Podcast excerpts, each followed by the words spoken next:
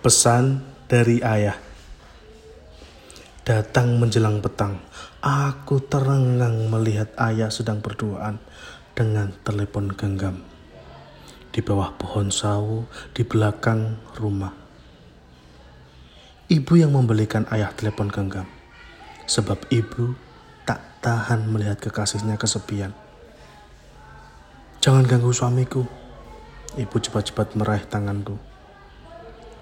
Sudah dua hari ayahmu belajar menulis dan mengirim pesan untuk ibu. Kasihan dia, sepanjang hidup berjuang melulu. Ketika pamit hendak kembali ke Jakarta, aku sempat motong kepada ayah dan bunda agar sering-sering telepon atau kirim pesan sekedar mengabarkan keadaan supaya pikiranku tenang. Ayah memenuhi janjinya.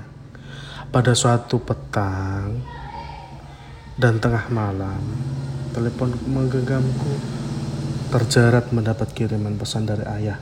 Bunyinya sepi makin modern.